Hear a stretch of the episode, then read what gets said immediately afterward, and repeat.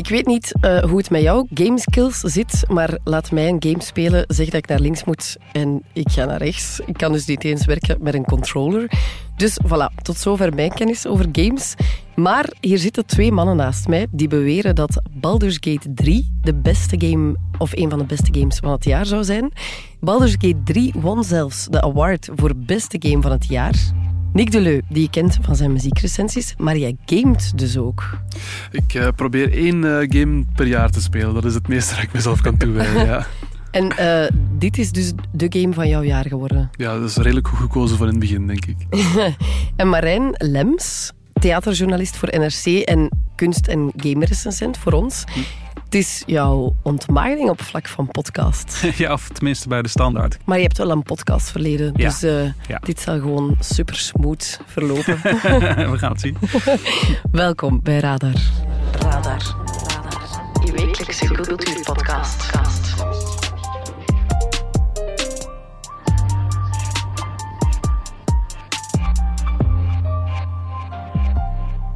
Oké mannen, ik heb mij laten vertellen dat dat spel bijhoudt hoe lang dat jullie spelen. Mhm. Ik denk dat het moment van de waarheid is. hoe lang hebben jullie al gespeeld? Uh, ik heb er, uh, even kijken, ik had er in de eerste playthrough die ik heb uh, gedaan voor de recensie van, bij de standaard, had ik er 120 uur in gestoken. Oef. En nu had ik het ook al een stuk met mijn lief gespeeld, want je kan het ook met z'n tweeën tegelijkertijd ah, spelen. Dat je allebei een personage hebt en dan door de game wandelt. En daar zijn we nu 35 uur verder mee en gaan we in de kerstvakantie de tijd nemen om het dan echt serieus samen te gaan spelen. En hoeveel tijd heb je daarvoor uitgerekend? Twee weken gaan jullie op ik denk met z'n twee gaat het nog iets trager dan in je eentje. Dus, uh, dus dat zal wel langer dan de kerstvakantie alleen duren, denk ik. Jou zien we niet meer terug naar de kerstvakantie. En jij, Nick? Uh, ja, het is, uh, het is Steam, de applicatie die dat een beetje bijhoudt voor jou. En bij mij staat daar een uh, ontzagwekkende 300 uur. 300 uur? Nu, ik moet wel toegeven, soms laat ik het spel ook openstaan terwijl ik iets anders aan het doen ben. ja, ja, dat ehm, zeg je er nu bij. Dat is zeker bij, omdat ik anders thuis problemen ga krijgen, denk ik. en waarover gaat het spel of wat moet je doen? Dus je maakt eigenlijk een personage en dat personage wordt eigenlijk wakker op een soort van ruimteschip. En op dat ruimteschip stelt het personage vast, oh, ik heb precies een beetje hoofdpijn. En ja? gaandeweg kom je te weten dat er een soort van parasiet in jouw uh, hersenpan uh, zich geboord heeft. Uh, en dan begint eigenlijk de, de, grote kweeste van het hele spel. ja, je wil af van die parasiet in je hersens. want je maakt je zorgen dat die parasiet vroeg of laat jouw hersens gaat overnemen. En je gaat evolueren in een soort van monster dat je helemaal niet wil zijn. Zoals zombie. Dat is een beetje zombie-achtig. Maar gaandeweg kom je ook te weten dat die parasiet je ook wel wat krachten geeft. Hmm. Dus dan begint eigenlijk al uh, het morele spelletje van hoe ver ga je daarin meegaan en gebruik je die krachten voor jezelf, voor het goed van de wereld of uh, helemaal niet. En dat is dan de aanleiding voor een veel breder avontuur, want daar zit ook iets achter. Het feit dat je dat uh, die parasiet in je hoofd hebt, dat heeft te maken met een veel groter verhaal en een veel grotere uh, samenzwering die in de wereld uh, leeft. Waar je, het dan, op, waar je dan ofwel bij kan aansluiten ofwel tegenop kan nemen. En dat wordt steeds complexer het verhaal naarmate het spel vordert. En wat is die samenzwering dan? Ja, dat ga ik nu niet helemaal uitleggen. Want dat zijn ah. spoilers, uh, Lise. Jullie willen mij gewoon verslaafd maken aan dat spel. ik heb jullie wel door. Zeker. maar de game is eigenlijk gebaseerd op een fantasy rollenspel. Hè? Het spel dat ook in de serie Stranger Things te zien is of gespeeld wordt en waar heel veel mensen fysiek voor samenkomen om dat te spelen. Dungeons and Dragons. Ja. Jij of ik, Nick? Oké. Uh, ja, dat is, een, uh, dat is een game, een spel dat bestaat al sinds de jaren 70, als ik me niet vergis. Dat is toen uh, bedacht dat je dus met z'n allen rond een tafel gaat zitten. En één iemand is de spelleider en die vertelt het verhaal. Ja. En alle andere uh, spelers hebben dan een personage dat ze verzonnen hebben. Ja, want en ik zeg nu ook rollenspel, maar dat kan voor sommige mensen een seksuele connotatie hebben. Uh, dat kan natuurlijk. Ik bedoel, je kan het zo gek maken als je zelf wil. Als je om de tafel zit met elkaar. Maar het gaat eigenlijk om fantasy archetypes. Dus iemand ja. speelt een vechter, iemand speelt een tovenaar, iemand speelt een dief. En dan ga je samen vaak het grote kwaad verslaan. En heb je al iedereen's vaardigheden nodig. En het is ook nodig om samen te werken. Zoals je in Stranger Things ook goed ziet. In die ja. korte passages dat ze dat spel laten zien. The Demogorgon! We're deep shit. Will, your action! I don't know. Fireball him! They'd have to roll a 13 or higher. Too risky. Cast a protection spell. Don't be a pussy. Fireball him! Cast protection. The Demogorgon is tired of your silly human bickering. Fireball! Oh, En dat spel heeft zich gewoon sinds de jaren 70 steeds opnieuw ontwikkeld met nieuwe versies die er zijn uitgekomen. En het is vaak ook tot videogame gemaakt met dus Baldur's Gate 3 als laatste wapenfeit. Een van de mooie dingen aan, aan ja, hoe het, het rollenspel Dungeons and Dragons er eigenlijk aan toe gaat, is ja, in tegenstelling tot andere bordspelen of zo, heb je niet echt veel materiaal nodig. Het enige dat je nodig hebt is een set dobbelstenen, want je moet soms dobbelen om te zien, lukt deze actie of niet. Maar voor de rest ontstaat het volledig in de verbeelding van de, van de spelers de spelleider. Dus als je een heel goede spelleider hebt, dan kan je echt een ongelooflijk uh, verhaal uh, maken, eigenlijk samen met die spelleider en jouw vrienden dan. Maar dat is tegelijk ook een zeer uitdagende rol, die van spelleider. Want je moet al die creativiteit wel, ja, moet er allemaal wel verzinnen om daar een goed verhaal van te maken.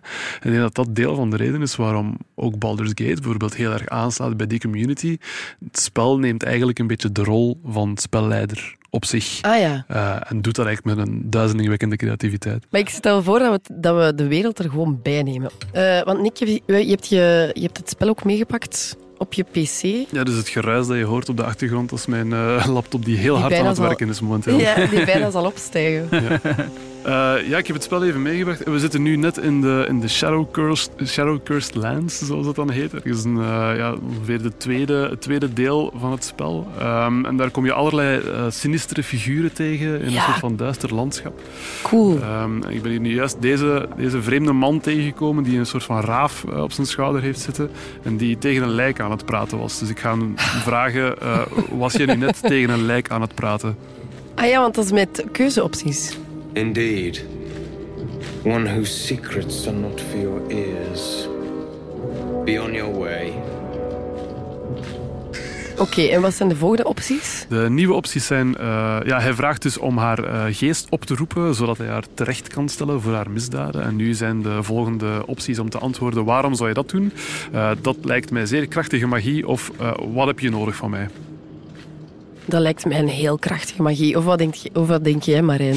nee, het is nu aan jou, Lise. Ik bedoel, wij hebben de game allebei al gespeeld. en, nu vraag je, en dan vroeg je je af hoe ik aan 300 uur kom. je krijgt die opties en dan zit ik daar gewoon een kwartier na te denken. Wat zal ik ja, nu eens gaan doen? ik, heb, uh, ik heb schrik dat ik straks uh, ook 300 uur in de, in de kerstvakantie teruggetrokken leef in een grot. Um, ja, ik wil, haar wel, ik wil haar geest wel zien verschijnen. Go to the distillery, the one she calls the Waning Moon. Find the ledger and bring it to me. Ah, dus je moet nog iets doen voordat dat gebeurt. Ja, dus nu heb je eigenlijk een soort van opdracht gekregen van die mens. Uh, normaal gezien krijg je daar straks ook een melding van, van oké, dit is een quest die begonnen is. En dan verschijnt er een icoontje op je landkaart en dan kan je vervolgens naar dat icoontje gaan om te gaan zien of je daar die, uh, dat, dat dagboek van die vrouw, of je dat daar kan vinden. Uh, eens je dat dan gevonden hebt, kan je het dan terugbrengen naar die man en dan gaat het spel weer verder. Ja. En dit is eigenlijk zeg maar de standaard opmaak van dit, dit soort games. Dat je door een wereld loopt, allerlei mensen tegenkomt die allemaal iets van je te vragen hebben. En je dus allemaal op een eigen uh, sturen. En uh, zo ga je door het spel door, door mensen te helpen of ze tegen te werken. Uh, en door al die keuzes die je maakt, kom je dan in je, maak je je eigen verhaal eigenlijk. Ja. En wat het bijzondere is aan Baldur's Gate 3 is dat, de, dat het zo, zulke verrassende dingen zijn die je de hele tijd tegenkomt. Dus je loopt hier door een bos en je komt iemand tegen die iemand wil straffen na de dood nog. En daar zijn levenswerk van heeft gemaakt. maar je kan ook door een stad lopen en plotseling in een uh, onderzeeër terechtkomen. En dan in een onderzeese basis zes minuten hebben om iedereen daar te redden voordat die hele basis explodeert. Of uh, je kan... Uh... Dat trouwens absoluut een van de beste stukken van het ja. hele spel was, die onderzeeër. ja, te gek. Maar ik snap wel... Ik heb hier nu nog maar een paar minuten naar gekeken. Je hm. wordt er wel direct in meegezogen. Je denkt zo, ja. oké, okay, zeker. Ik ga daar nu naar op zoek. Ja, pas op. En deze gekke man met zijn make-up en zijn raaf, dat is maar een nevenpersonage in het spel. Dus er, heel veel, er zijn spelers die dit personage zelfs gewoon niet vinden. Het is heel gemakkelijk om er voorbij te lopen, hm. om nooit het gesprek te hebben. En op zich verhindert je dat niet om het spel verder te spelen. Maar zelfs die kleine nevenpersonages worden heel erg uitgewerkt. Uh, wat je net zegt, Lise, over er helemaal meteen ingezogen worden. Dat is ook een van de dingen die Baldur's Gate 3 zo bijzonder maakt. Is dat ze veel meer dan andere uh, spelstudio's kunnen. Vanwege het grote budget dat ze hebben gehad. En de, en de grote ervaring ook met dit soort spellen maken. Tijd hebben besteed aan uh, het schrijven aan van de dialogen. Maar ook het performen van de dialogen. want in tegenstelling tot heel veel andere games zijn ook hier alle zeg maar, personages zijn gemotion captured. Dus dat betekent dat acteurs in een studio gaan en die spelen die personages alsof ze ze echt zijn. En dat wordt dan vertaald naar de computer, zodat die bewegingen ook door de personages in het spel worden gemaakt. En dat is uh, bij deze game is dat heel vaak, uh, zijn dat heel vaak de acteurs, de stemacteurs zelf. Dus dat is eigenlijk best wel bijzonder, omdat er in heel veel games apart de stemmen worden opgenomen en apart ook uh, de performances worden ja. gemaakt. Maar hier hebben ze dus uh, dit is, voelt dus veel levender, omdat het is bijna een film. Ja, precies. Ja. Dat, je zit eigenlijk de hele tijd in je eigen film, waarbij je je eigen keuzes kan maken. Ja. En de, de stemmen, stemregie hier is echt ook nou, een van de beste stemcasts die ik ooit heb meegemaakt. En dan moet je bedenken dat het honderden en honderden personages zijn, die dus allemaal door een andere acteur zijn ingesproken. Er zitten zelfs een paar heel bekende stemmen in. Hè. Uh, een van de, van de booswichten in het verhaal uh, wordt gespeeld door J.K. Simmons. Who is Spider-Man? He's a criminal, that's who he is. A vigilante. A public menace. Die andere luisteraars misschien kennen van uh, die rol van J. Jonah Jameson in Spider-Man. Of de docent in Whiplash bijvoorbeeld. Ah. Not quite my tempo. Were you rushing or were you dragging? Start counting. Five, six, seven. In four, damn it! Look at me!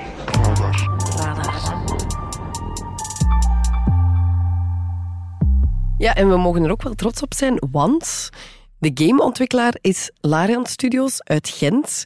Dus het spel is volledig van Belgische makelij. Ja, dus uh, het is een Gentse studio. Ja. Die is iets van 20 jaar geleden, uh, zeg ik het goed? Misschien, nee, iets langer. Uh, 25 jaar geleden opgericht. En hebben heel lang aan de weg getimmerd met kleinere games. Wel al altijd in het fantasy roleplaying genre eigenlijk. Ja. Hebben eerst een hele eigen wereld gebouwd. En zijn door games in die wereld te bouwen zo beroemd uh, geworden dat ze door de rechtenhouders van Dungeons Dragons gevraagd zijn om het derde deel in deze langlopende serie te maken. En dat is een hele eer, want Baldur's Gate 2, het vorige deel in de serie, kwam in begin 2000, eind 1999 uit. Dus dat is meer dan 20 jaar geleden. En al die tijd zijn fans bezig geweest met: komt er nog een nieuw deel? Wie gaat het dan maken? Er zat dus inmiddels zo'n druk op dat het echt uh, een enorme big deal was dat, uh, dat Larian daarvoor gevraagd werd. Mm -hmm. En dus daarmee, daar, daarmee hebben ze er ook zoveel de tijd voor genomen. En, uh, en het resultaat is echt aan alle kanten bejubeld geweest. Ja, het is echt een hit. En wat maakt Baldur's Gate dan zo anders uh, dan andere games? Nick, jij maakte de vergelijking met een elektriciteitspaal en een struik die vertakt. uh, ja, ik, ben ooit eens naar een um, expo geweest over games in, in het Engelse V&A Museum, um, waar ze een beetje inkijk gaven en, ja, en achter de schermen, hoe ziet zo'n spel er eigenlijk uit? En effectief de software, van wat moet er allemaal in zitten, om dan uit te komen bij, bij wat je op het scherm te zien krijgt. Mm -hmm. En een van de dingen die mij is bijgebleven van die expo ging over, over verhaalbomen eigenlijk. Als je bepaalde keuzes maakt in een, bepaald, in een spel, dan stuurt je dat een bepaalde kant op.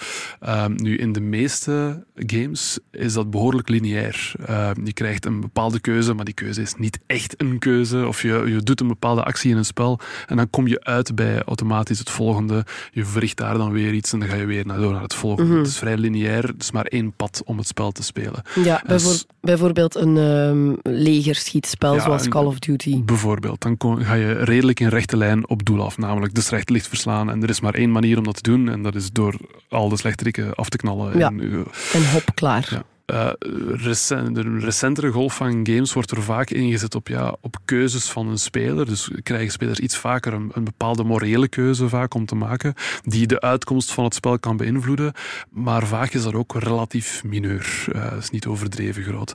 Dus dat is al, al een beetje een, lijkt een beetje meer op een boom die gaandeweg een paar takken krijgt links en rechts. mag de vrouw die daar dood op de grond ligt, eh, terugleven of niet. Bijvoorbeeld, ja. Maar dat is een keuze die je één keer om de zoveel uur in een spel gepresenteerd krijgt. Bij Baldur's Gate ja, begin, eh, noem ik het, vergelijk ik het mijn struik. Waarom? Omdat het vanaf de bodem al meteen begint te vertakken. Uh, in de openingsminuten van het spel kom je enkele uh, andere personages tegen en je hebt eigenlijk meteen de keuze om die gewoon voor dood te laten liggen of om die op te nemen bij jou in je, ja, in je gezelschap eigenlijk. Um, nu, als je dat doet of niet, dat stuurt je al meteen een volledig andere kant op. Dus, en de manier waarop dat die, die hele struik uitgewerkt is bij Baldur's Gate, dat is echt wel een van de dingen die het het meest onderscheidend maakt vergeleken met andere spelen. Um, je kan gewoon heel erg verschillende playthroughs beleven. Dus als, ja. als Marijn bijvoorbeeld ervoor zou kiezen om een heel kwaadaardige playthrough te gaan beleven en ik kies ervoor om inderdaad die, die ridder op het witte paard te gaan spelen, dan gaan wij, als je achteraf de film van onze, onze spelervaring zou afspelen, zou je twee heel verschillende dingen zien.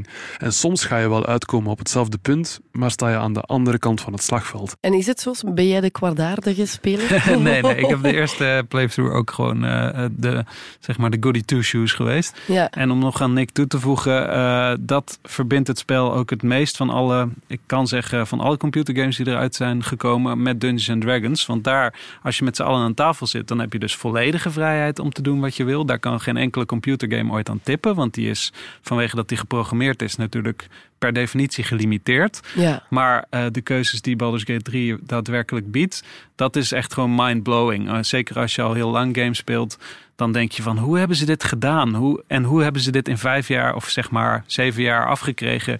Uh, omdat je zou verwachten dat bij zoveel keuzevrijheid ze er makkelijk zeg maar 10, 15, 20 jaar aan zouden kunnen hebben gewerkt. Om okay. zoveel verschillende paden en mogelijkheden en personages en dialooglijnen en en zeg maar uh, mogelijkheden in zitten. Ja, ja.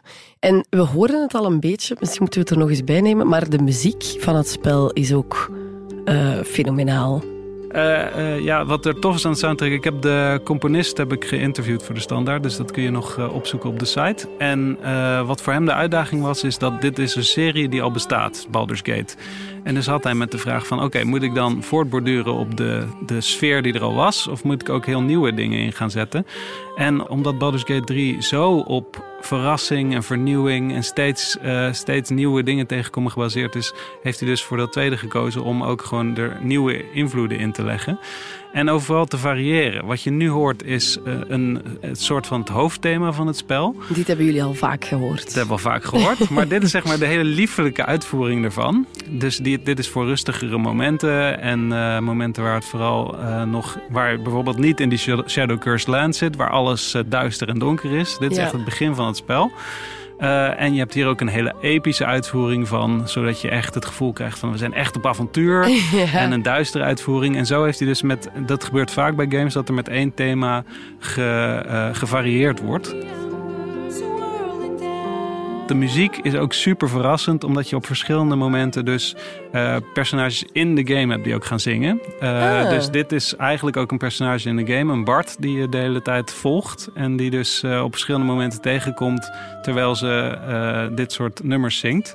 En zelfs op het einde van het spel als grote verrassing dat als je tegen een grote tegenstrever aan het vechten bent, die je de hele game al op de hielen heeft gezeten, dat hij plotseling ook begint te zingen. Dus alsof je ineens in een musical uh, ja, staat in musical. dat gevecht. En dat, dat soort risico's, zeg maar, dat soort artistieke risico's van ook uh, durven om dingen te doen die de speler niet verwacht, die eventueel ook de illusie zouden kunnen verstoren. Daar staat Larian ook echt bekend om. En dat hebben ze in deze game ook echt fantastisch gedaan. Door dus uh, niet alleen maar alles heel serieus te nemen, maar ook genoeg ruimte voor absurdisme of dingen die zo onverwacht zijn dat je er echt gewoon helemaal vrolijk van wordt.